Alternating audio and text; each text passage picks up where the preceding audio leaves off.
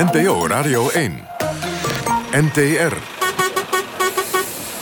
Ja, de bus van NPO Radio 1 is aangekomen in Gelderland. Is het tijd om alle agressieve honden in Nederland in te laten slapen? En hoezo moeten 15-jarige scholieren in de klas vertellen hoeveel exen ze nou eigenlijk hebben? Is het niet toch de beste manier om over seksuele voorlichting te praten thuis in plaats van op school?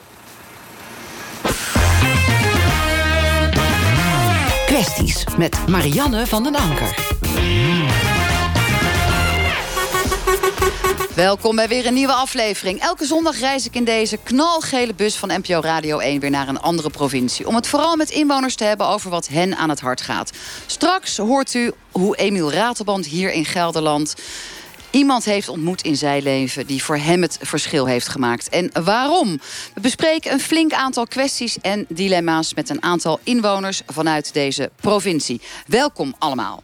Ik heb daarnet, nou ja, om maar met de eerste kwestie te beginnen, een opmerkelijk lijstje ingevuld van SOA AIDS Nederland. De exemeter. Het is de bedoeling dat scholieren dit vanaf volgende week ook gaan invullen in de klas. En dan moeten ze aangeven op dat lijstje met hoeveel bedpartners ze dan uiteindelijk, nou ja, denk ik ook echt seks hebben gehad. Ik kijk ondertussen Erwin Visser al even aan. Hè, want daar van seks krijg je namelijk uiteindelijk wel een SOA. En vervolgens uh, druk je op enter en dan kun je zien wie jouw sekspartners zijn in een soort nou ja, virtual reality-achtige setting. Ze hopen vanuit SOA AIDS Nederland daarmee natuurlijk dat kinderen zich wat bewuster zijn over nou, het risico wat ze lopen op seksueel overdraagbare aandoeningen en wellicht ook nog wel om seropositief te worden. Jongeren moeten veilig gaan seksen. Dat is het doel. Erwin Visser, jij bent van SOA AIDS Nederland. Jij hebt het bedacht. Waarom is het zo hard nodig? Uh, nou, de reden dat wij de VR-experience ooit hebben ontwikkeld... dat is omdat we, ja, we weten dat dat risico-inschatting... dat vinden mensen sowieso al heel erg moeilijk. En vooral jongeren die vinden dat zelfs nog moeilijker dan volwassenen. En uh, risico-inschatting is meteen wel iets wat je doet als het gaat om condoomgebruik. We weten dat de belangrijkste redenen waarom jongeren geen condoom gebruiken met een partner... dat is omdat je je partner vertrouwt. Ja, je vindt hem hartstikke leuk. Ja, het vertrouwen is natuurlijk ook ontzettend belangrijk. En dat je je prettig voelt bij iemand, dat je je op je gemak voelt. Uh, maar of iemand wel eens niet een SOA heeft, ja, dat, dat kun je niet doen op basis van vertrouwen. Uh, nou, dan weten wij ook dat, die, dat op het moment dat je met iemand naar bed gaat... en je denkt zo van, nou, uh, die ziet er gezond uit, die, die, die zal wel niks hebben. Maar als je nou in je achterhoofd ook houdt dat uh, uh, deze persoon een aantal exen heeft... jij hebt een aantal ex-partners... en dan hebben die ex-partners ook nog eens een keer ex-partners... Op het moment dat je dus zonder condoom doet, maar ook zonder je te laten testen... dan vertrouw je wel meteen een heleboel mensen dat zij ook allemaal niks hebben. En dat besef, om dat dan te laten, uh, dat je dat moment even meemaakt... vandaar dat we een virtual reality van hebben gemaakt. Je, je vult dit in. En dan zet je een bril op en dan word je wakker in een bed. En je ziet in één keer alle Al die mensen om je heen die jou mogelijk hebben kunnen besmetten. Of jij de ander. meegemaakt. Er zijn trouwens ook allemaal hele mensen die je ook allemaal kan vertrouwen. Zien er allemaal gezond en, en leuk uitzitten. Hè? Dus het is geen bangmakerij of een eng verhaal. Uh, maar je moet die mensen wel allemaal vertrouwen van dat ze, dat ze niks hebben. Helder. Dus jullie hebben iets moois ontwikkeld. Het heeft mm -hmm. ook al een award gewonnen ja, uh, vorig ja. jaar. Een Lofi Award. De Lofi Award. Nu is het wel zo dat um, het gaat om jongeren tussen de 12 en de 25. Ja. Jullie willen het graag op scholen hè, mm -hmm. gaan bespreken en invullen. Mm -hmm.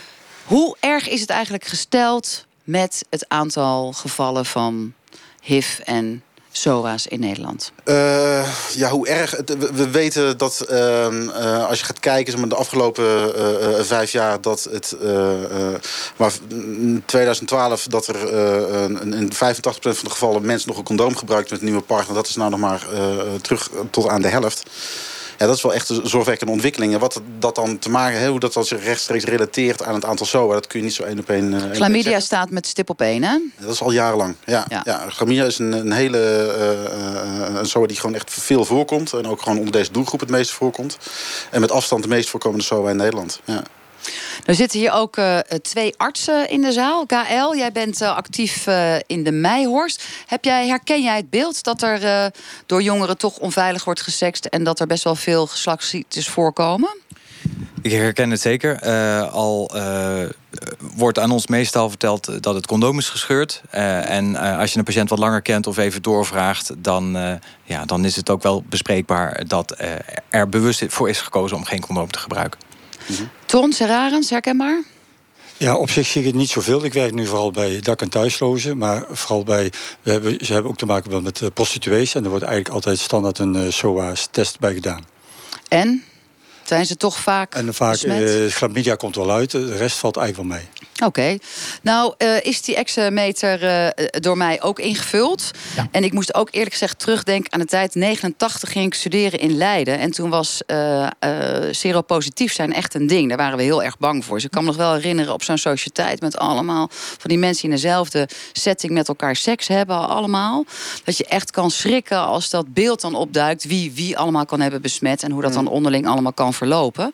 Maar jullie willen het op school gaan doen. Waarom ja. op school, Erwin Visser?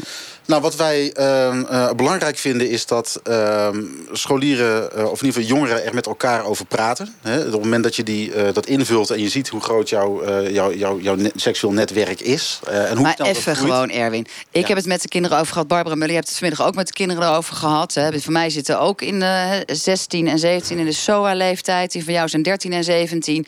Gaan die dat invullen, denk jij? Nou, mijn dochter zei dus een groep die zal het zeker invullen, want die vindt het al heel interessant. Maar er zal ook een grote groep zijn die het heel lastig vindt om, dit, uh, om hier open over te zijn. Ja. Ja, want heb je dat getest eigenlijk op school? Ja, we hebben dit uh, uh, bij de ontwikkeling al een, paar keer ook uh, getest onder, onder een doelgroep van, van ja, want wat voor sfeer moet dit nou hebben? Hè? Hoe, hoe vrolijk moet het eruit zien? Of moet het juist gewoon, gewoon donker Lacherig, uitzien? of juist ja, wat, wat, voor soort mensen moet het zijn? Wat voor verhaal moet je gaan vertellen? Dus dan laten we dat in het, bij de ontwikkeling een aantal keren gewoon ook aan, aan jongeren zien. En dan vragen we van wat zij ervan vinden en kijken wat we eraan kunnen verbeteren.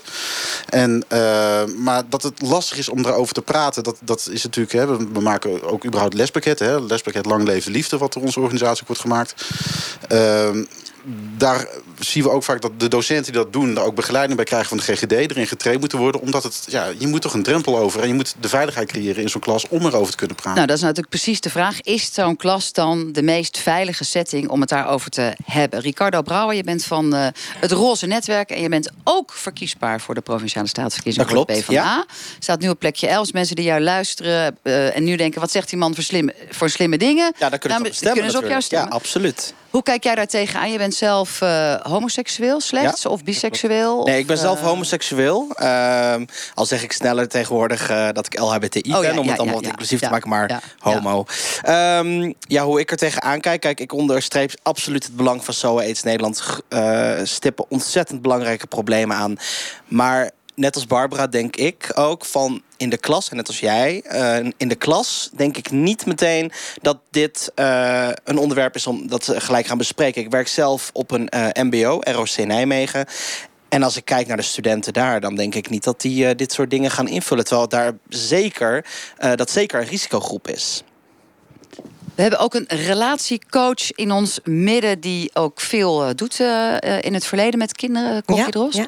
Denk jij dat een klas een veilige plek is om zo'n exameter in te vullen? Nou, ik zit daarbij aan twee dingen te denken. Ik, het kan me, ik kan me voorstellen dat jij juist dan het idee hebt van... oh, wacht, um, ik heb eigenlijk te weinig exen. Het is misschien ja. wel stoer om wat meer exen te hebben. op te plussen. Of juist de andere kant, dat je denkt van... oh, ik schaam me rot. Ik, uh, ja, hè, van nou, ik ga er toch een beetje bijschaven naar beneden. Of um, dat je dus anders invult dan je echt bent. Dus ik vind dat best wel lastig, zo'n setting. Daarbij moet ik wel lachen. Jouw lesmethode heet Lang Leven de Liefde. Ik heb toevallig een boek geschreven dat Lang Leven de Liefde heet. Maar dat gaat juist om de relationele kant van de... ik weet het niet. Kokkie, we moeten het wel echt even hè, blijven bij het onderwerp. Hoe gaan we ervoor zorgen dat nou, kinderen nou, gewoon condooms gaan nou gebruiken? Ja, Want dat is natuurlijk de maatschappelijke opgave. Ja, zeker. Maar waar ik dus ook heel erg uh, tegenaan hik bij dit onderwerp... hoe goed ik het ook vind, denk ik van... wow, leidt het niet ook echt af van de kern van het hele relatie-idee... dat je juist... Uh, want wat is dat vertrouwen in elkaar hebben? Wanneer kun je elkaar goed genoeg vertrouwen voor seks überhaupt? Hm. Doe je daar iets mee, Erwin Visser? Ja, nee, wat, uh, uh, wat we in het lespakket sowieso doen, uh, en dat is een beetje de Nederlandse manier. Hè, dus dat de holistische aanpak, dat niet alleen wij, maar ook, ook Rutgers, zeg maar, gewoon ook al zeggen van je moet eigenlijk al vanaf vierjarige leeftijd beginnen met seksuele voorlichting over hè, mijn lichaam, jouw lichaam, wensen, grenzen. En dan op een gegeven moment komen deze onderwerpen ook aan bod. En binnen dat hele scala van onderwerpen moet je dit ook gewoon zien. En we zeggen ook niet van dat met onze VR-experience dat we meteen het hele probleem oplossen. Het gaat echt over één specifieke determinant van gedrag. Een stukje risico-inschatting, dat je daar met elkaar over kan praten. Ja, dat begrijpen we. Maar, maar in, moet dat dan allemaal in de klas plaatsvinden? Want dat is volgens mij waar eigenlijk gewoon best wel een aantal mensen hiervan zegt. Mm. Niet alleen. Nee, het is, de klas is wel een plek waarvan wij in ieder geval vinden van daar moet die veiligheid zou daar moeten zijn.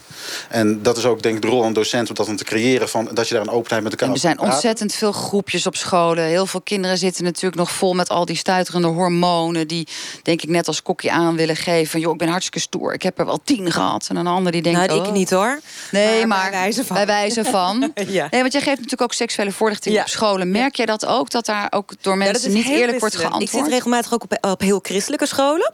En dan merk ik dat het juist een heel naïeve sfeer heerst. Van nee, maar onze jongeren doen dat niet. En de jongeren houden het zelf ook een beetje elkaar voor. Nee, wij doen dat niet. Dus dat vind ik juist weer de andere kant van het verhaal. Denk je ook niet moet onderschatten dat er nog een grote groep is die denkt seksen seksexen, dat hebben wij nog helemaal niet, weet je wel. Maar dat je die dus ook heel goed bewust kunt maken, juist van deze kant van het verhaal. Uh, maar ik denk zeker dat um, uh, als je kijkt naar, naar klassen, er wordt altijd een beetje lacherig over gedaan. Maar aan de andere kant, ze hongeren naar dit onderwerp. Ze willen er zoveel over horen. En niet alleen over. Ja, maar is dat dan over seks en over hoe je elkaar plezier kunt gunnen? Of Nee. is het over hoe kom ik aan een, een geslachtsziekte? Nou, die laatste niet, nee. Nee. Het gaat veel meer over hoe maken we dat heel erg leuk. Zonder dat je dus het gevoel hebt, ik moet voldoen aan wat de rest normaal vindt. Wat zijn de, de ervaringen Erwin Visser geweest? Want jullie hebben vast getest, ook op scholen. Of dat, dat bewustzijn, dat het maatschappelijke doel wat jullie willen bereiken. Veilige seks, gebruik een condoom. Ook al is iemand nog zo aardig. Of dat dat dan lukt met deze exemeter. Eh, nou ja, of dat ehm, eh, wat in ieder geval wel lukt met, deze, eh, met, die- met, die, met die VR-experience... Dat we, dat we het gesprek daarover los kunnen maken. Eh, we weten ook dat op het moment dat ze er met elkaar over praten... dat daar een positief effect van is. Eh, we gaan natuurlijk uiteindelijk gewoon kijken of, of, of, of deze, specifiek deze methode... ook die, eh, eh, die meerwaarde levert. Of dat je dat misschien uiteindelijk op een andere manier zou kunnen doen. Want ja, zo, werkt, je kan pas zeggen of het werkt als je het ook echt gedaan hebt. Hè? Dus de, de, de, de, waren in ieder geval heel positief. Anders krijg je die Lovie Award ook niet.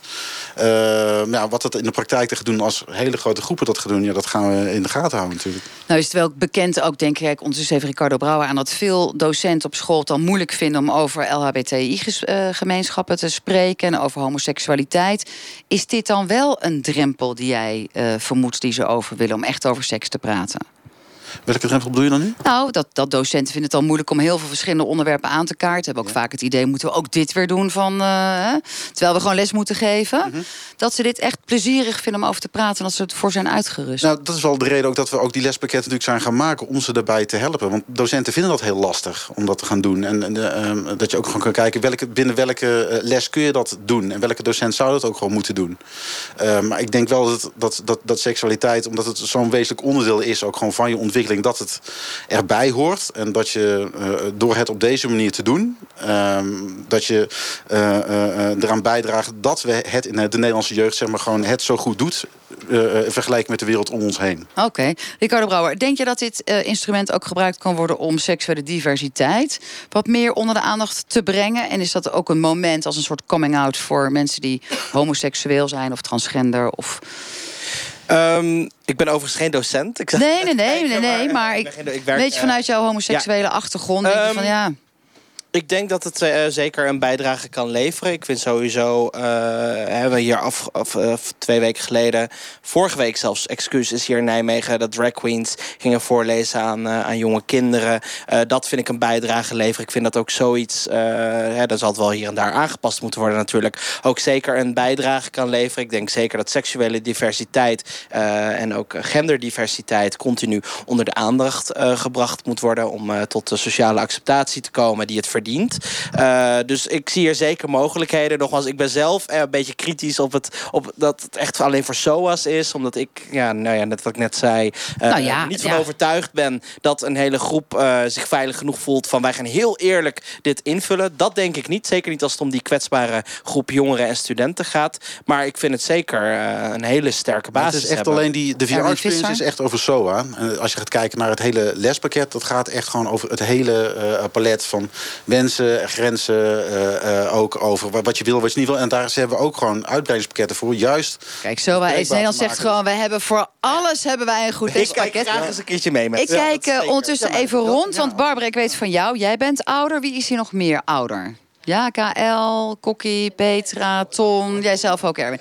Is het niet gewoon een taak van de ouders om dit te doen? KL, jij uh, knikt al in stem. Het is huisarts en wordt nu aangesproken op zijn vaderrol. Ik had hem al eventjes willen intikken, maar bedankt voor deze voorzet, Marianne. Uh, ik denk, ik, ik ondersteun ieder initiatief wat uh, seks en seksualiteit meer in die open brengt. Dus wat dat betreft van harte dit, Erwin. Maar ik, ik denk dat ik zou een oproep willen doen aan ouders. Realiseer dat kinderen in deze digitale wereld veel eerder dan jij 30, 40 jaar geleden kennis maakt met seksualiteit, met, met plaatjes die allerlei belangstellingen wekken. Dus ga in godsnaam dat gesprek ook eerder aanhalen, het zo snel mogelijk uit de taboesfeer, voordat je kind ja, een beetje de, de, de, het mysterie opzoekt. En, ja, Wat doe je met mysterie dan ook gewoon porno of ja. met seksuele plaatjes van zichzelf naakt sturen over ja, ik had, ik, Toevallig heb ik het twee weken geleden met mijn achtjarige zoon meegemaakt. Dat die, die, een oudere broer van een vriendje die zei seksuele voorlichting, saai, typ dit maar eens in. En die jongen die laat me daar filmpjes zien. Nou, dan denk ik, ik ben naïef. Ik wist niet dat dit zo makkelijk toegankelijk was. En we hebben het meteen besproken en er kwamen emoties los. En het was oké. Het, het, hmm. was uh, de bevestiging dan dat, dat het oké was dat hij daar naar keek, dat hij daar iets bij voelde. Dat stelde hem zo gerust, maar hij schrok. Dus we moeten ze daar als ouders zo vroeg mogelijk in meenemen. Kokkie en Barbara, hoe praten jullie met jullie kinderen over seks en ook met name wel of geen condoom en veilig vrijen? Nou, met mijn kinderen heel erg open. Uh, heel erg open uh, uh, gesprek daarover. ze weten ook waar het ligt in huis. Ik heb ze gewoon in huis. Ik wil niet zeggen dat mijn kinderen al seksueel actief zijn. Ze zijn 13 en 17. Maar ja, als het zover is, dan weten ze in ieder geval waar het voor is. vanmiddag toevallig hadden we nog een, een neefje op bezoek. En die zei, ja, maar mijn zusje gebruikt toch de pil. Dus dan is het toch ook veilig voor geslachtsziektes. Nou, nou, dat is dus even anders. Dan moeten we nog even dat lespakketje van zo iets Nederlands ja. Hè, ja, beter. Dus ik denk dat kinderen zich niet zo heel erg goed bewust zijn dat uh, uh, dat stukje SOA, hoe, hoe lastig dat is en hoe gevaarlijk dat ook kan zijn. Kijk, wij hebben natuurlijk meegemaakt in onze tijd dat er een hele HIV naar boven kwam en waar we allemaal mee geconfronteerd werden, waardoor we heel veel over SOA gepraat hebben. Maar nu denk ik dat er nog niet veel meer over wordt gepraat. Wel over geboortebeperking, maar niet over SOA's. Ja, ja, ze moet wel vooral zorgen dat je niet zwanger raakt. Maar dat idee dat je aan de keukentafel het ook even bespreekt... zorgt dat je niks oploopt. Ja, dat is toch wel even weer een ander gesprek. Kokkie, herken je dat? belangrijk bijvoorbeeld dat die, de Vrijveilig campagne... die we dus hadden uh, tot, een, uh, tot 2012... dat die ook weer terugkomt. Juist omdat dit soort dingen, dat merken we ook gewoon steeds vaker... dat hele basisdingen die uh, zeg maar, gewoon de, de jongeren van, van 20 nog mee hebben gekregen... als je nu 15 bent, dan was je bij de laatste Vrijveilig campagne... was je beneden 10, heb je nooit iets van gezien. Nee. Daar heb je nooit meer iets van meegekregen. Dat is iets vergeten. En dat... Maar ondertussen staan wel de condooms gewoon bij de kassa... ongeveer naast de pinmachine, toch? Ja, maar weten en beseffen is wat anders. Ja, nou ja, ik, zat, ik hoor jouw verhaal. Ja, mijn kinderen zijn nog jong. Mijn oudste dochter is 12. Um, maar ik ben heel erg uh, opgevoed met het idee dat seks uh, niet mocht. Echt vanuit de uh, orthodox-christelijke kant, zeg maar. En inderdaad, vooral zwanger raken was heel erg eng. Zo was, dat kregen wij natuurlijk dan natuurlijk niet. Hè? Dat is dan weer een voordeel. Maar ik merk, wat mij irriteert als relatiecoach... ik krijg die vraag nog steeds wel eens van mensen... is dat ze het zo uit de relatie trekken. En dat hoor ik nu ook een beetje. Dus wat ik met mijn dochters... mijn zoon is nog nog te jong, vooral bespreek is... wanneer voel je je echt veilig genoeg bij een jongen... om je zo te, te durven geven aan elkaar en te kunnen geven aan elkaar. Dus ik wil die twee echt niet loskoppelen Maar volgens mij is dat nou wel precies het punt... waar SOA AIDS Nederland het met die exemeter over wil hebben. Dat je dus kennelijk uit onderzoek kunt opmaken dat als jongeren elkaar vertrouwen, dat die condoom dan terzijde wordt geschoven. Want je vindt elkaar zo leuk. Ja, maar daarmee kan ik dus wel het gesprek met mijn kinderen over seks gewoon opengooien en eerlijk met elkaar praten. En ook dat zij op die manier veiligheid voelen, want dat was vroeger totaal anders. Weet je, als ik alleen met mijn kinderen ga praten, ga vrijelijk vrijen, dat is iets wat ik logisch vind. Maar mijn kinderen zijn nog niet seksueel actief. Hmm. En vind jij dan nu een goed idee dat dat op school plaatsvindt? Want daar krijgen we als ouders wel makkelijk door. Nou, nee, dat vind ik dus Nee, ik, ik, ik, als ik zelf op scholen kom, merk ik. Ik ben geen docent. Die kinderen zien mij één keer. Ik durf er vrij over te praten. Die kinderen durven mij alles te vragen. Dus dat vinden zij een leuke les. Maar als je het echt overgeeft aan die docenten die dat moeten, die de volgende keer terugkomen, die weten, de leerlingen hebben mij toch gevisualiseerd terwijl ik het aan het doen ben, weet je wel? Ja, of dat, die leraar die condoom zo even omdoet. ja, hè? Want dat, ja, krijg je nooit meer van je hersenen, uit je, uit je, uh, je netvlies gewist. Dus dat vind ik ergens wel leuk. Maar ik ben echt voor, uh, wat Gaal ook zei, voor en. En creëer die veiligheid thuis. Trek het niet los van de relatie. Maar hou zeker de vinger aan de pols dat het er gewoon heel normaal bij hoort. Daar zijn wij het helemaal mee eens. Fijn. Ja. Wij van SOA Aids zijn het helemaal mee eens. Eh, ja. Petra, hoe doe jij het? Thuis? Nou, ik ben eh, moeder van een eenjarige, dus dat is Oh. helemaal niet sprake. Maar ik Ja. sta wel voor de klas, eh voor pubers van 14, 15. En ik zie het mezelf niet zo snel doen. Vanwege die veiligheid. Eh, nou, je noemde al die relatie die je volgens mij als ouder heb je met je kind een meer open en eerlijke relatie. Waar ze waarschijnlijk ook wat eerder durven te vertellen. Ik denk niet zo snel dat leerlingen dat doen naar docenten. Of je moet wel een hele goede vertrouwensband hebben. En dan moet je echt die veiligheid creëren. Nou, ik vind dat heel spannend. En jij noemde het heel even in een bijzin.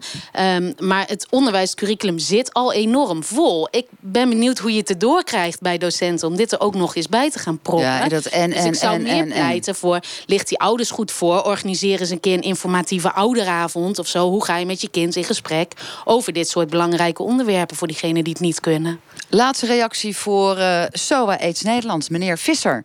Ja, nou, ik, ehm, eh, ehm, eh, de, de rol van ouders die valt ook niet, niet te onderschatten. Vooral ook omdat ik net ook al zei... van eigenlijk je seksuele voorlichting begint natuurlijk al eh, voordat ze naar school gaan. Eh, met, met, hele eh, simpele dingen. Je hoeft niet meteen tegen je driejarige al te vertellen... over eh, hoe, dat, hoe de kinderen gemaakt worden. Maar En we gaan even op dat punt in dat, dat Petra zegt... ik sta zelf ook voor de klas.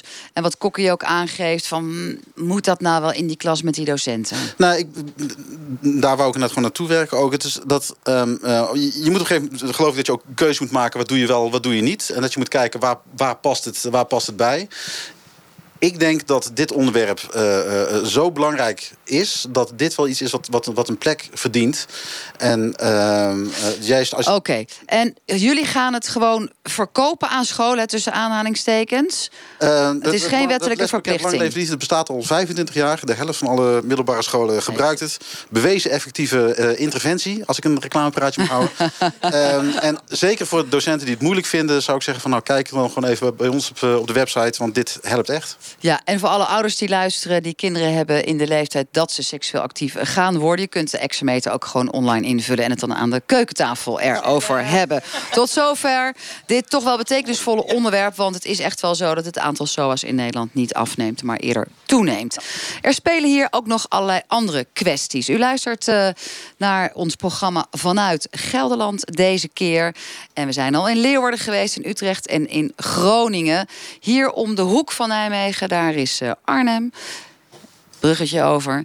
En daar is de gemeenteraad vorige week heftig met elkaar in debat gegaan over agressieve honden. Er is een klacht binnengekomen van veel mensen rondom allerlei parken. Van ja, we voelen ons helemaal niet meer veilig.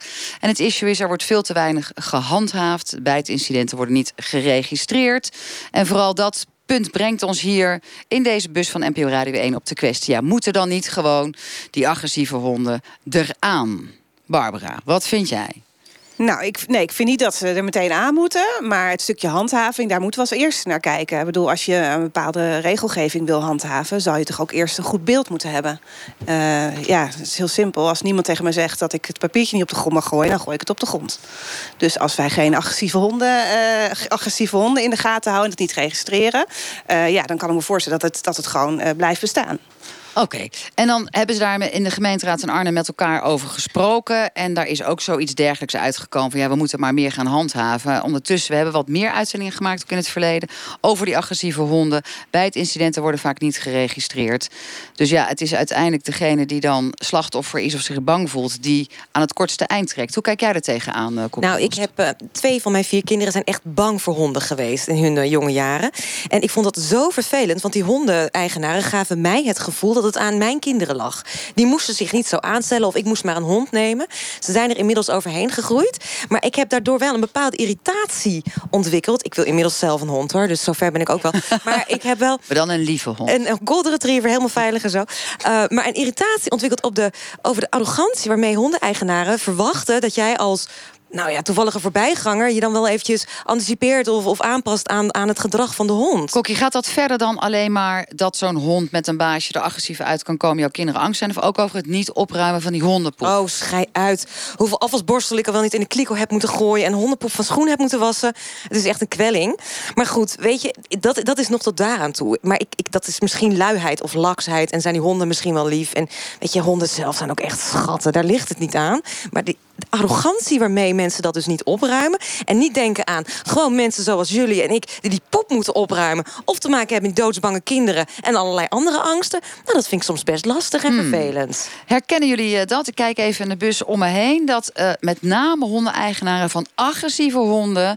je arrogant kunnen benaderen. Nou, ik, Ricardo ik Brouwer. sluit even aan bij, eh, van, bij Barbara. Barbara. Want ik denk dat het probleem vooral in dit geval ligt bij de handhaving. Eh, inderdaad, wat je zegt, als er regels worden opgesteld en die kunnen niet eh, nageleefd worden. Er is gewoon een groot probleem. En ik vind, daar moet wat aan gedaan worden. Daarnaast ga ik even naar Kokkie. De enige agressieve hond die mijn ouders ooit hebben gehad, was een Golden Retriever. Oh, Voor de rest oh, hebben ze jee. altijd, altijd honden gehad. Die worden bestempeld als agressieve honden. Daar heb ik het over American Staffords. Heb ik het over Cane Corso Italiano's. Maar dat zijn echt de allerliefste honden ooit. Ik denk dat het meer ligt in de opvoeding van de eh, baasjes. En als je dan over agressieve honden tussen aanhalingsta- eh, aanhalings, uh, Aanhalingstekens. Al mijn woorden heen vanavond. eh, inderdaad eh, spreekt. Eh, het is een aanleg voor die honden. Ik denk dat je bij bepaalde risicogroepen onder honden dan misschien eerder de eigenaren verplicht op een eh, puppytraining eh, zeg maar kunt sturen. En dan ook een Dan- opruimtraining. Doe dat ook dan direct. ja, nee, daar ben, dat is weer een ander thema, maar daar ben ik het helemaal mee eens. Maar ik denk dat je eerder zo'n eh, zo'n puppycursus... Heeft de P van de A hier nog een standpunt over agressieve honden? Over agressieve honden expliciet. eh, dat, dat durf ik zo even 1, 2, 3 niet te zeggen. Volgens mij staat agressieve honden als, als eh, thema niet in ons verkiezingsprogramma. Maar ik vind er wel wat van. Vanuit de SP Nijmegen, Petra Monaar, hebben jullie een standpunt? Nee, maar in Nijmegen speelt dit ook helemaal niet. Ik heb het helemaal niet gehoord dat het, eh, dat het zo'n issue is. Ik kan me wel voorstellen, kijk, er zijn regels over dat je honden in bepaalde gebieden niet los laat lopen. Dus ja, als honden niet aangelijnd zijn, dan is het wel aan bureau toezicht, wat regelmatig eh, de wijken ingaat, om daarop te handhaven. Dat lijkt me niet meer dan logisch. Maar goed, uiteindelijk wordt er dus ook in de gemeente Nijmegen niet gehandhaafd. Jij hebt niet een staartje van er worden zoveel mensen verplicht op puppycursus gestuurd. Zoveel boetes voor je poep niet opruimen. Zoveel boetes voor niet Nou, aangelijnd er wordt natuurlijk wel gehandhaafd. Maar ehm eh, hondenpoep is wel echt een van de grootste ergernissen. Eh dus trouwens hier in de wijk is nog niet zo heel lang geleden wel een aardig experiment geweest. Want het blijkt gewoon gedragsmatig handhaven en beboeten werkt niet eens heel goed. Eh, maar er zijn buurtbewoners geweest die hebben op alle hondendrollen die er lagen, hebben ze een vlaggetje gezet. Om maar duidelijk te maken hoe erg het probleem was. En daar schrokken mensen blijkbaar wel van, want het heeft wel effect gehad. Hebben jullie in Nijmegen hier hondenbelasting? Ja, we hebben wel hondenbelasting, ja. Want dat is ook zo'n punt. Hè. Veel steden schaffen dat nu af, de hondenbelasting. Ehm, waarom is het bij jullie nog niet afgeschaft? Ehm, nou, ik denk als we het af zouden schaffen, dat zou, volgens mij kost dat bijna een, ehm, moet ik even goed zeggen, volgens mij 8 ton op jaarbasis. Wat je dan een gat aan je begroting hebt. Wat wij als SP heel graag zouden Oh, dus de hondenbezitter wordt gewoon gebruikt als Zeker weten. melkkoe hier Ja, in hoor. Nijmegen. Ja, mooi in de dieren. eh. nee, wat wij als SP heel graag eh, gehad zouden willen hebben, is de eerste hond gratis. Omdat het toch wel iets is. Het is ook een gezelschapsdier. hè. Het kan bijvoorbeeld eenzaamheid tegengaan. Maar dan de tweede hond wat zwaarder belasten. Dus dat was wat ons betreft een mooie. Maar goed, daar was geen meerderheid voor, helaas binnenplaats. Nou, is het wel echt. Ik, ik weet het gewoon uit heel veel gemeenten. Er wordt slecht gehandhaafd. Er is best wel vaak een, een issue. Ook onderling in sociale communities. Dat er toch echt wel agressieve honden zijn. En dat die honden-eigenaren daar niet op aanspreekbaar zijn. Daar is die hondenbelasting niet voor, hè? Nee, dat begrijp ik. Maar worden ze bij jullie wel geregistreerd, die agressieve honden? Ik heb geen idee. Ik neem Hm. aan dat dat bij toezicht of zelfs bij de politie terechtkomt. Want dan heb je echt, echt over strafbare feiten. Ja, nou ja, dat, dat, er zijn ook nog wel allerlei andere dingen over. Want we hebben ook al eens een keer een uitzending gemaakt... waarbij dus een hondenbijter en een, eh, eh, een, een, een slachtoffer tegenover elkaar stonden. Dat dan de politie zei, het is niet onze zaak, want het is civiel recht. Dus dat is ook een hele toestand. Maar goed, die agressieve honden. U zei al, Erwin Visser, eh, het, ik herken het wel. Dat die hondeneigenaar van name van die agressieve honden zo arrogant kunnen zijn. Eh, heb, heb ik Ja, ja, ja nee, je knikte mij zo instemmend Ja, aan. nee, ik, eh, ik, ik, ik herken het vaak als ik. Mijn kinderen zijn ook bang voor, eh, voor honden. Want die zijn eh, eh, eh, ooit een hele grote hond toen ze klein waren bovenop gesprongen in, een, eh, in de speeltuin. Dus ze schrikken erg van honden. En wat mij dan wel opvalt, als er zeg maar gewoon eh, mensen met honden voorbij komen, dan gaan ze heel erg aan de zijkant staan. En dat die mensen beledigd reageren van hij doet niks hoor. Ja, dat weet je altijd pas achteraf als hij wat doet. Dat vind ik altijd van een beetje. Doet hij normaal Wij hebben nooit. zelf altijd Ja. honden gehad. En ik ben op zich gek op honden. Maar dat, dat stuk denk ik van ja, dat vind ik altijd wel een beetje. Nou, het valt mij wel op. Ja. Bij het incidenten bij de huisartsenpraktijk. Kijk even naar de twee eh, huisartsen die we hier hebben. Gaël Pennings, kom jij bij het incidenten tegen jouw praktijk? geregeld. Maar het valt op dat het dan vooral de honden van de eigenaren zijn. Zelf zijn. zelf bijten. Oh, echt? En dan? Dan uh, ja, is het aan de eigenaar wat hij, uh, wat hij daarmee doet. Maar, maar ik bedoel ook eigenlijk meer van... geef je dat dan nog door aan de politie? Want ja, nee. niet. Nee. En ook niet, laat je ook niet ergens registreren? Nee, dat is niet mijn taak. Oké. En hoe gaat dat bij u, uh, of ging dat bij u in het verleden in uw praktijk? Nou, ik ben ook huisarts geweest, dus eigenlijk hetzelfde wat, wat jij zegt. En, hmm. uh, ja, als je naar registraties kijkt, dan kun je natuurlijk wel huisartspraktijken kijken hoeveel bijtwonden er zijn. Dus, en daarnaast op de eerste hulp wordt het ook bijgehouden. Dus als je precies zou willen weten, kun je het daar opzoeken. Kan je het daar opzoeken, ja. Dan, volgens mij is er nog helemaal niet echt in Nederland een duidelijke lijn over hoe we nou met agressieve honden willen omgaan, met bijtincidenten. Volgens mij is het ook zo dat het Rijk heeft gezegd, het mag allemaal lokaal bepaald worden. Dus elke gemeente doet er zijn eigen ding mee. In Arnhem is in ieder geval gezegd, na allerlei klachten van bewoners in de politieke setting, we gaan zorgen dat we beter gaan handhaven. Heel goed. Nou ja, dat is het dan, hè. En dan zeggen we allemaal, ja, beter. Jij moet ook lachen? Sorry? Jij moet ook lachen omdat ik dan zeg beter handhaven. Heb jij er ook geen vertrouwen in, Ricardo Brouwer? Nee, nee, ik heb daar zeker vertrouwen in. Ik denk dat uh, handhavers uh, juist uh, wat extra's moeten krijgen ook om hun Je denkt dat ze niks te doen hebben? Ik denk dat ze heel wat te doen hebben. Maar ik denk wel dat ze meer mankracht en uh, meer... Uh, ze hebben het hard nodig, want anders krijgen we dit soort dingen. Zijn er voldoende handhavers? Heeft iemand daar enig idee van? Hier, we hebben een Nijmeegs raadslid. En voor de rest denk ik dat niemand er echt heel ik veel heb in Culemborg nog nooit gezien. En ik zie wel veel, uh, veel honden en, en hondenpoep. Um, maar ik, ik, weet niet of je echt een bepaalde hondensoort... tot agressieve hond moet betitelen. Ik denk dat dat al de basisvraag is. Want ik denk misschien... Nou, er zijn wel 24 dat, agressieve rassen en die staan ook al wel op een lijstje. Ja, maar zijn ja. die allemaal agressief? Dat hoorde ik jou net ook al zeggen. Ja, inderdaad. Ja. Het, het, is, het is misschien een aanleg tot agressiviteit. Ja. Maar ja, iedereen heeft al ergens een aanleg voor. En honden ook, weet je. Dus ja, dat is maar net wow. ontwikkeld. Dus daar een lijst die... komen voor agressieve baasjes misschien. Baasjes, misschien dat precies. ook wel, ja. Dit is een hele mooie tussenconclusie van uh, deze tweede kwestie... die we hier bespreken in, uh, in onze bus. We gaan uh, zo verder praten over een ander onderwerp... namelijk over en met name hoe we het probleem kunnen tackelen dat zij niet naar een specialist gaan of uiteindelijk zelfs een doktersbezoek overslaan omdat zij hun eigen risico daarvoor niet willen gebruiken. Maar zoals ze doen gebruikelijk elke week bellen wij met een bekende Nederlander hier in deze provincie. In ons geval is dat Emiel Ratelband geworden. En hij vertelt wie voor hem het verschil heeft gemaakt in ofwel een persoonlijke kwestie of een maatschappelijke kwestie. Luistert u even mee. Nou, wie heeft wat mij nou het meeste indruk gemaakt? Nou, er zijn natuurlijk eigenlijk honderden mensen. Maar één oom van mij was ome Joke. En ome Joke woonde in Velp. Die was uitvinder. En dat vond ik altijd een hele intrigerende, maar tegelijkertijd ook een hele vervelende oom. Omdat hij altijd zo dwingend was dat je naar de kerk moest. Maar ome Joke maakte op mij indruk, want hij liep altijd van veld naar dieren waar zijn fabriek was. En dan vertelde hij altijd dat als hij dus daar naartoe liep, dan had hij een, een blok, bloknootje bij zich en een potloodje. En dan kreeg hij altijd de goede ideeën als hij dus dan die 20 kilometer liep. Hij liep het heen en liep het dan ook nog. Dezelfde dag liep hij ook weer terug. Hij was geniaal. En de meeste indruk dat hij gemaakt heeft op mij was hij op 86-jarige leeftijd is hij geëmigreerd naar Amerika. Is gaan wonen in Houston, Texas. Samen bij zijn twee dochters. En daar heeft hij nog een heel groot huis gebouwd. Fantastisch. Dat was ome Joke, Ratelband. Al dus Emiel Ratelband. Kwesties met Marianne van den Anker. We staan met de bus, zoals gezegd, in Nijmegen. Hier zien huisartsen iets opmerkelijks gebeuren. Namelijk dat mensen zorg mijden. De huisarts wil ze doorverwijzen naar een specialist... of een scan laten maken of een medicijn voorschrijven. Maar de patiënt zegt nee. Nu nog niet, want ik heb geen geld. En bovendien, het gaat van mijn eigen risico af. Tja, moeten we het eigen risico afschaffen? Moeten we andere constructies verzinnen om er toch voor te zorgen dat mensen die eigenlijk zorg nodig hebben, die zorg ook daadwerkelijk gaan krijgen? Ik praat erover met inwoners vanuit deze provincie Gelderland, maar ook met een straatdokter, een huisarts en de lokale politiek. We hebben het net al eventjes gehad uh, over waar huisartsen allemaal mee te maken krijgen. SOA's, bijtincidenten, maar dus ook met zorgmeiders. Ton Serarens, u bent van uh, buitenzorg, u bent straatdokter. U maakt ook samen met een aantal andere straatdokters uit van een Nederlandse combinatie van straatdokters die zich druk maken over wat ze niet alleen tegenkomen bij dak- en thuislozen, maar vooral aan, aan allerlei psychisch en sociaal leed, maar ook nu over dit thema. Hoe vaak merkt u dat mensen niet nou ja, de medische zorg krijgen vanwege het te hoge eigen risico? Nou, bij ons is het zo dat uh, we hebben relatief niet zo'n grote groep. Want de meeste mensen hebben toch nog wel een eigen huisarts, ook bij de dak- en thuislozen.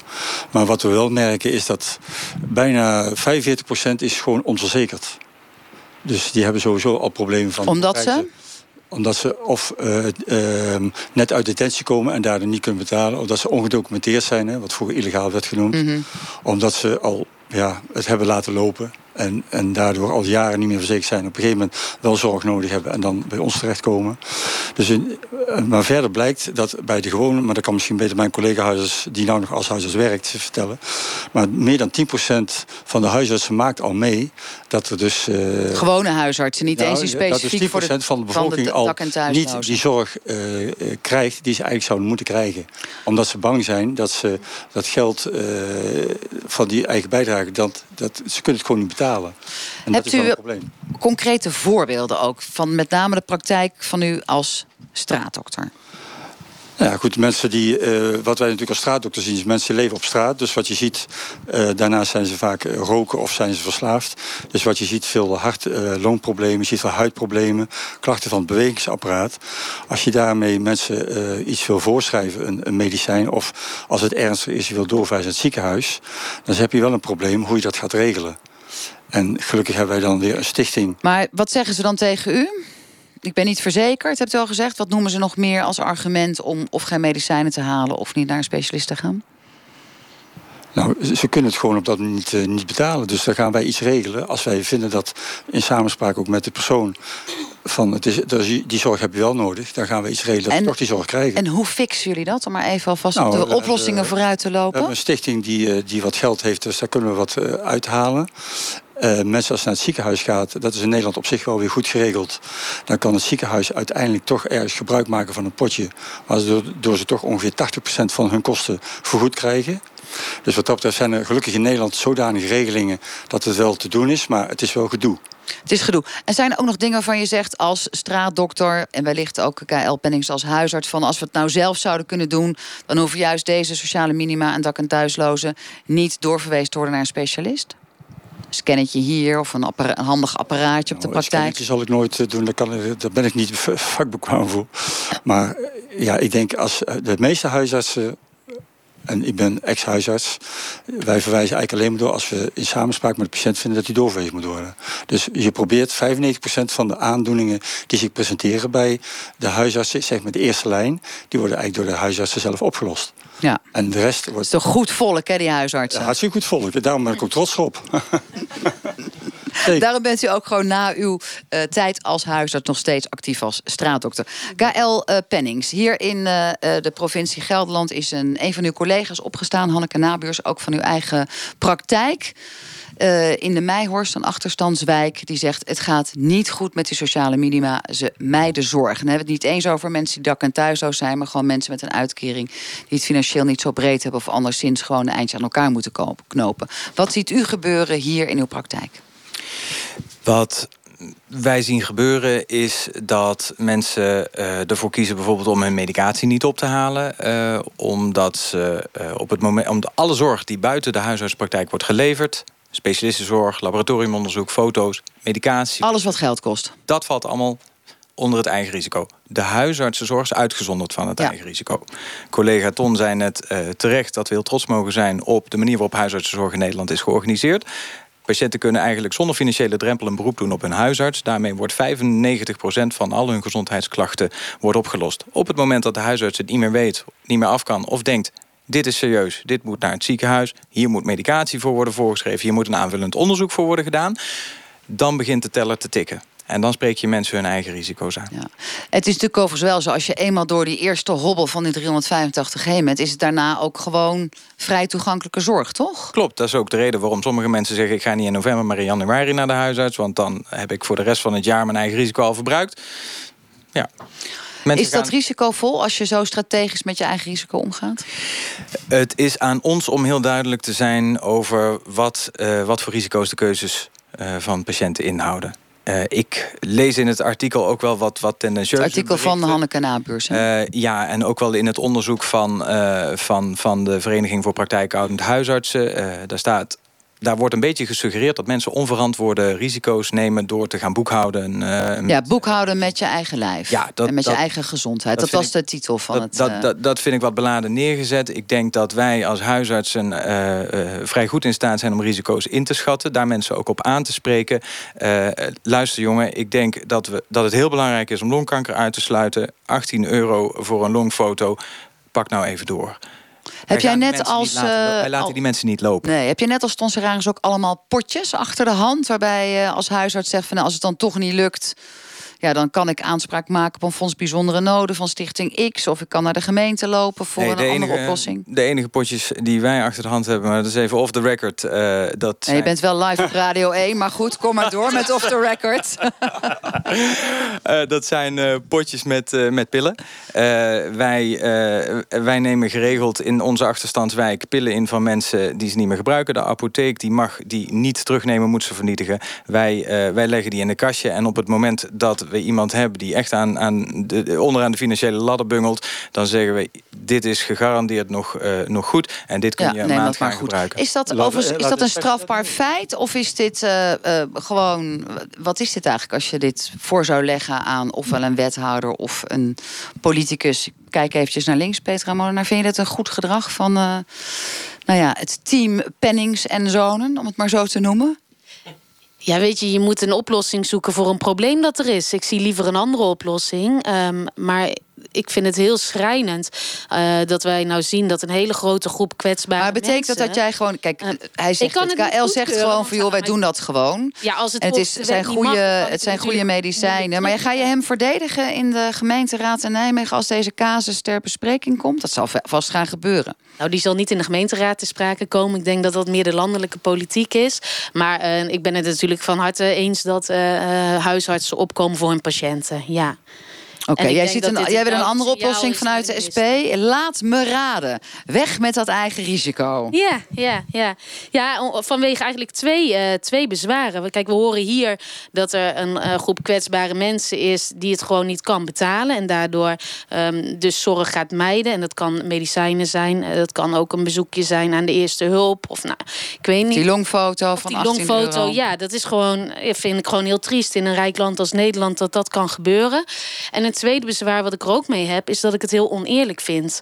Want eigenlijk leg je een uh, boete op ziek zijn. Je kiest er niet voor om ziek te zijn en daardoor 385 euro per jaar een eigen risico kwijt moeten zijn. Is er dus nog iemand? Vind, we hebben het ooit ja. ingevoerd hè, in het land. Volgens mij was er best wel veel steun voor, ook in de Tweede Kamer, dat we te veel zorg consumeren met elkaar. Dat er iets meer besef moest komen op. Het is echt wel een behoorlijke post als je het allemaal bij elkaar optelt. Ja, maar dan ga je ervan uit dat mensen daar misbruik van maken. En dat vind ik inherent eigenlijk al niet goed. Want als je naar de dokter gaat, dan ga je naartoe omdat je ziek bent, omdat je beter wil worden, dat je een fijne leven wilt hebben. Is hier nog, ik kijk even in de bus rond, is er iemand die gewoon nog het eigen risico durft te verdedigen? Nou ja, die eigen, bijdrage, eigen bijdrage was vroeger ook veel lager. Toen was het nog wel op te, op te brengen. Maar nu ja, wordt het bij elke politieke wisseling wordt die eigenlijk weer opgehoogd. Mm. En nu, ja, 385 euro is voor heel veel mensen toch heel veel geld. En uh, dat, dat is het probleem. Dus het zou... Maar je kunt toch ook sparen voor je eigen risico? Je weet dat je moet het in twaalf maanden je, betalen. Maar als je geen geld hebt om te sparen, wordt het wel lastig.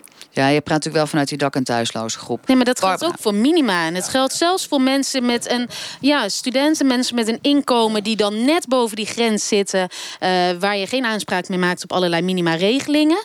Dus het geldt eigenlijk voor veel meer mensen. Ik denk dat er veel meer mensen mee te maken hebben... maar dat het een beetje in het taboe zit. 750.000 mensen, hè? Ja, ja, ja. Nou ja, kijk, je hoort ook wel eens mensen meer aan de rechterkant van het politieke spectrum dan wel zeggen van ja, maar die mensen die kunnen dus wel allemaal roken. Hè? Ook jouw mensen, ze roken allemaal. Nou, dat is volgens mij hartstikke duur. Uh, stop daar dan mee. En ze hebben allemaal een mobiele telefoon. Dus is het ook niet dat we op een andere manier deze mensen moeten aanspreken op het feit dat het er nou eenmaal bij hoort in Nederland, dat je ook je eigen risico moet betalen. Nou, voor mijn doelgroep is dat wel heel lastig om te zeggen. Dat kaart wel aan. Maar als je roken, die mensen zijn ook vaak op andere manier verslaafd. En dat heeft vaak weer oorzaken. Ja, het wordt heel ingewikkeld. Mhm. Maar in ieder geval vanuit. We hebben heel veel rugzakjes vanuit de jeugd meegekregen. Dus dat kaartje wel aan. Maar de kans dat, ik, eh, dat die gaan stoppen met roken op dat moment. Het is, uh, dat wordt denk ik wel heel lastig. Hoe geldt dat, uh, um, KL Pennings, bij jullie in de praktijk? Achterstandswijk, het zal een beetje gecombineerd zijn. Sociale minima, misschien ook wat mensen meer die in het middenniveau uh, verdienen. Kunnen die gewoon aangesproken worden op het feit dat ze die 385 euro gewoon bij elkaar moeten zien te rapen? Misschien meer een gevoel, gevoel dan, uh, dan, dan goed, goed objectief te meten. Heb ik de indruk dat wij niet zo goed zorgen in Nederland voor de mensen die helemaal onderaan de ladder staan. Dus ik vind, uh, uh, ik denk dat, dat die 385 euro een te groot bedrag is. Ik ben wel een, een, een, een pleitbezorger van het uh, eigen risico. Omdat ik ook niet denk dat je mensen te veel moet gaan uitnodigen om die zorg buiten de huisartsenpraktijk te gaan afnemen. Zoals Ton al zei, 95% lossen wij op. Daarmee leveren we hele goede zorg. Uh, de keerzijde van het afschaffen van een eigen risico is een een, een, niet te remmen zorgconsumptie. En dat zie je nu al. Op het moment dat mensen drie weken hoofdpijn hebben die ze niet kennen, dan wordt er meteen gedacht aan een hersentumor. Ga je googlen, dan vind je bij hoofdpijn hersentumor en niet spanningshoofdpijn. Die angst die wordt enorm gevoed. Dus mensen zoeken die zekerheid. De huisarts kan ze geruststellen. Eigen risico kan ze eventjes tijd geven om te ervaren dat die klacht vanzelf overgaat. Wat vind jij, eh, Kokkie Drost? Nou ja, ik ben geen uh, politicus. Ik weet het niet precies hoe dat geregeld is. Maar hoe gaat het in andere landen? Ik heb wel eens gehoord dat ze in, nou, Nederland. In Amerika is het heel erg. Dan ja, moet je echt heel veel geld hebben. Dat wij hier in Nederland qua eigen risico dat dat relatief laag is vergeleken bij andere landen. En ik kan me ook voorstellen dat ze niet zo 1, 2, 3 dit hebben uitgerekend. Van nou, we gaan eens even een heel hoog bedrag vragen. Wat vind jij? Vind jij dat het eigen risico moet blijven bestaan? of zeg je, ik ben wel gevoelig voor al die verhalen die ik hoor van minima die zorgmeiden? Natuurlijk ben ik daar gevoelig voor. Uh, maar het eigen risico moet volgens mij gewoon blijven bestaan... om deze goede uh, kwaliteit van zorg te kunnen blijven leveren in Nederland. Maar goed, ik ben het, als ik jullie verhalen hoor... jullie zien de mensen natuurlijk zelf, jullie horen die verhalen. Jij, uh, Gael, wil ze gewoon echt zelf helpen... met allerlei toestanden. Um, dus daar zit zoveel meer. Ik zou ook echt zeggen, nodig mensen die dat soort berekeningen doen... uit en laat ze maar eens echt in de keuken kijken waar het gebeurt. Want cijfers, weet je, daar zitten die mensen die rekenen dat niet van Jan Doedel uit. Ik geloof echt wel dat ze er verstand van hebben.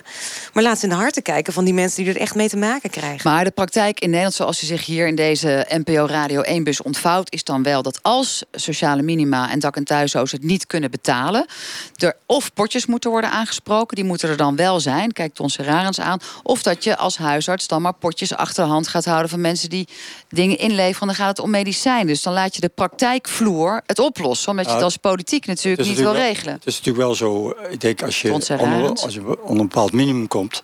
Dan, en je, je staat ingeschreven. Kijk, ik maak, ik maak met de dak- en thuisloos mee. Die hebben geen, geen, uh, geen postadres. Ja, en dan kun je dus geen uitkering hebben, aanvragen. niet zorgverzekerd. Maar als je een woon- of postadres hebt... dan ben je, kun je in principe zorgverzekerd zijn.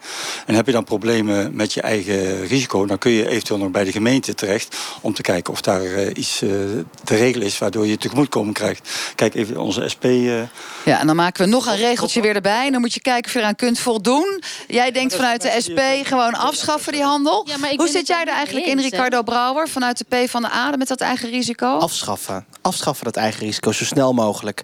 Uh, als je kijkt. En wie betaalt dat dan? een kleine belastingopslag. Uh, wat Peter al zei, eens, uh, hoeft niet eens in, in, veel gevallen. Wat jij al zei, inderdaad, het is eigenlijk een boete op ziek zijn. Je ziet ook dat gezonde mensen die, die, de, dus kunnen hun, die zorgtoeslag krijgen en hun eigen risico op maximaal zetten. Die kunnen zelfs verdienen aan, aan de zorg wat dat betreft. dus ik vind nee, we moeten dat echt afschaffen. er moet inderdaad wel goed gekeken worden naar dat. dat KL Penning zegt wel als huisarts van dat moet moeten we niet doen, hè? Want zetten we de poort nee, wijd dus open. Daar kijken Gael nu ook aan van we moeten natuurlijk wel goed kijken dat de huisartsen niet overbelast raken, want er is gewoon uh, veel. Toevallig de vorige uitzending waar ik ook de gast in was, uh, spraken we over een huisartstekort uh, toen in Friesland, maar dat is overal in Nederland het geval. Dus daar moeten we ook goed naar kijken. Maar we, dat eigen risico moet echt weg. Ja, maar dat is wel mooi gezegd. Goed naar kijken. Hoe, hoe, hoe gaan jullie dat nou doen? Nou, wij hebben als Petra Molenaar, SP. onder andere uh, met een aantal andere partijen overigens het Nationaal Zorgfonds uh, geïnitieerd. Hè. Als het aan ons ligt, dan uh, gaan we gewoon helemaal af van de marktwerking in de zorg. Want ja. wij denken, er werd net gezegd, het moet ook niet ten koste ja, van de kwaliteit van de zorg. We houden het even bij de zorgmeiders. Hè, nee, maar dat, dat, het... dat, is onderdeel hiervan. Want dat maakt het namelijk betaalbaarder. En, want er werd net gezegd, de kwaliteit mag niet achteruit gaan. Dat is denk ik een angst van heel veel mensen als je dat eigen risico afschaft. Dat het dan voor iedereen duurder wordt. Maar ik denk dat dat niet per se het geval hoeft te zijn. Wat, waarom, waarom niet? Omdat je uh, met het Nationaal Zorgfonds kan je een heleboel andere. Ja, dan moeten we toch dat hele Nationale Zorgfonds in. Ja, Mensen ja, die dat, dat willen weten, die moeten maar even kijken wat onderdeel is. Ja, uh, en ook de financiële maar, onderbouwing. Om maar het is natuurlijk wel 15 miljoen keer 385 euro. Hè. Dat is wel echt een gat in een werkelijk willekeurige begroting. Ook KL-pennings. Plus de uh, enorme de explosie van kosten die je gaat krijgen. Omdat de financiële drempel tot de tweede lijn, de ziekenhuizen, weg is. Ja. ja, dus jij zegt toch als huisarts dat je gewoon voor dat eigen risico moet blijven. Nee, ben je dan, maar ben je dan liever. Als huisarts blijft toch gewoon door mensen goed voor te lichten. Eh, dat verandert. Ik vraag aan uh, L. Pennings. We hebben een aantal alternatieven. Het afschaffen daarvan zeg jij niet doen. Halveren van het eigen risico? Verlagen. Uh, beter kijken naar de, naar de financiële draagkracht van uh, degene die de premie betaalt. En een apart fonds oprichten. Want dat zie je natuurlijk ook in landen om ons heen gebeuren waarbij het te hoog is. Dan staan er altijd weer fondjes op die dan zeggen: Nou, voor echt zielige mensen. Dus is dat een oplossing? Het via fondsen regelen? Dat, die vraag kan ik niet goed beantwoorden. Ik ben geen econoom. Hmm. Hmm. Ik vind het ook lastig hoor, want je ziet in, in Engeland heb je de, de, National Health Service. En daar, ja, als je die verhalen hoort, word je ook niet altijd zo gelukkig van. Dus ik, ik vind het, het Nederlandse systeem is eigenlijk wel goed, maar ik vind de eigen bijdrage veel te hoog. Oké, dus je bent ook wel voor het behoud, maar... Maar dan een veel lager bedrag en dan ook inkomensafhankelijk. Oh, inkomensafhankelijk. Barbara, wat vind jij? Heb jij een idee? Uh, heb ik een idee? Nou ja, ik ben zelf ook zorgmeider. Ik zit niet, uh, ik ben geen minima, ik ben niet sociaal uh, dakloos of iets dergelijks. Maar ik zit wel onder of net bijna op modaal inkomen. Dus ik, ik spreid mijn zorg ook. Ik denk heel goed dat ik het einde van het jaar dan nog maar even die bezoekjes moet doen naar die specialist. Want mijn eigen risico is dan gelukkig al op. en mensen die ook in één keer weduwe worden, zoals bij mij is gebeurd, dan ga je ook in één keer inkomen achteruit. Een fonds is heel erg leuk, maar dan moet je weer allerlei papieren ingaan. Je moet weer allerlei wegen gaan wandelen die al best wel veel moeite kosten als je al in zo'n situatie zit. Um, ik ben wel voor het eigen risico verlagen, zeker. En inkomensafhankelijk vind ik een hele mooie, mooie toevoeging. En ik zou zeggen, zorg dat dat eigen risico gewoon van tevoren al in je premie zit. En als je aan het einde van het jaar het niet gebruikt hebt, krijg je het weer terug.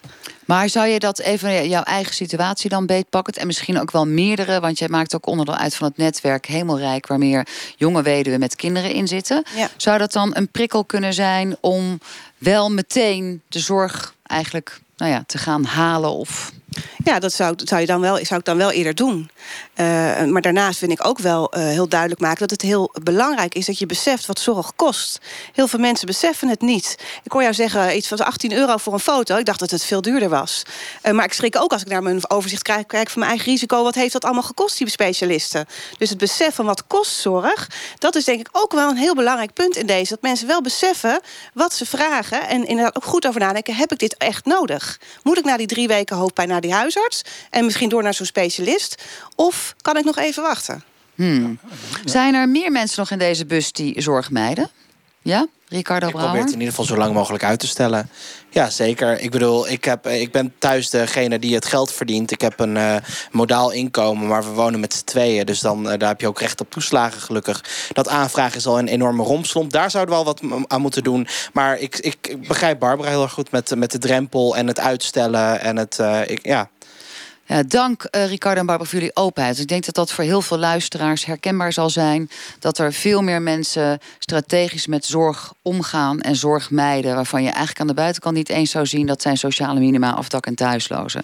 Nou, of het uh, aan de orde komt dat het uh, eigen risico verdwijnt. Dat zal aan de politiek liggen. In ieder geval is hier in de bus een warm pleidooi gehouden voor het behoud ervan, het afschaffen ervan. Of het aan het eind van de rit, hetgene wat je, wat je natuurlijk niet hebt opgemaakt weer, uh, weer terug kunt krijgen. Wij willen jullie allemaal ongelooflijk danken, want we zijn aan het einde gekomen van deze uitzending van Kwesties. We staan natuurlijk volgende week weer in een andere provincie met deze prachtige bus van NPO Radio 1. En wel in Flevoland. Ook daar praten we weer met allerlei betrokken inwoners die een kwestie hebben, die ons hebben gezegd. Ik wil meepraten over zaken die mij aan het hart gaan. Mensen die zelf veel boeken schrijven en daar radicaal mee willen stoppen. Maar we gaan uiteindelijk ook weer naar u luisteren. Bel ons, mail ons, laat weten wat jullie relevant vinden. Want wij willen heel graag kwesties op de kaart zetten die ons allemaal raken. Tot zover deze uitzending uit Nijmegen. Wij gaan er vandoor. Tot volgende week in Flevoland. NTO Radio 1. De brand in het landhuis. Ik blijf het heel bijzonder vinden. Nu al een podcast-hit. Dan bijzonder in de zin van dit is niet in de haak. Bert Ewald Margraf vermoord. Dat hij gevonden is achter de voordeur met zijn hondje. Waar zijn de miljoenen? Zeker dat er miljoenen waren op de bankrekeningen van Margraf. Want ik heb de post van hem verbrand. En wie ging er vandoor met zijn schilderijen? Ik weet zeker dat ik jou het nummer heb gegeven van degene die je moet hebben. De brand in het landhuis. Goedemiddag. Een bloedstollende podcast in zes delen. Spreek ik met meneer Reinga? Ga naar de gratis Radio 1-app, haal hem binnen en luister. Ja, alleen je bent wel bij de verkeerde. Op NPO Radio 1. Het nieuws van alle kanten. Eens een Suzuki, altijd een Suzuki. Ontdek zelf waarom. Rij een nieuwe Suzuki voor een superprijs. En nu tijdelijk zelfs de eerste zes maanden private lease... vanaf 149 euro per maand. Welke Suzuki kies jij? Kijk voor de voorwaarden op suzuki.nl. Ik was echt zo geholpen met die kinderwagen.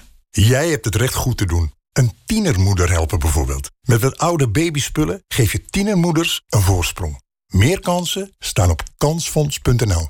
Kansfonds. Geven om een ander.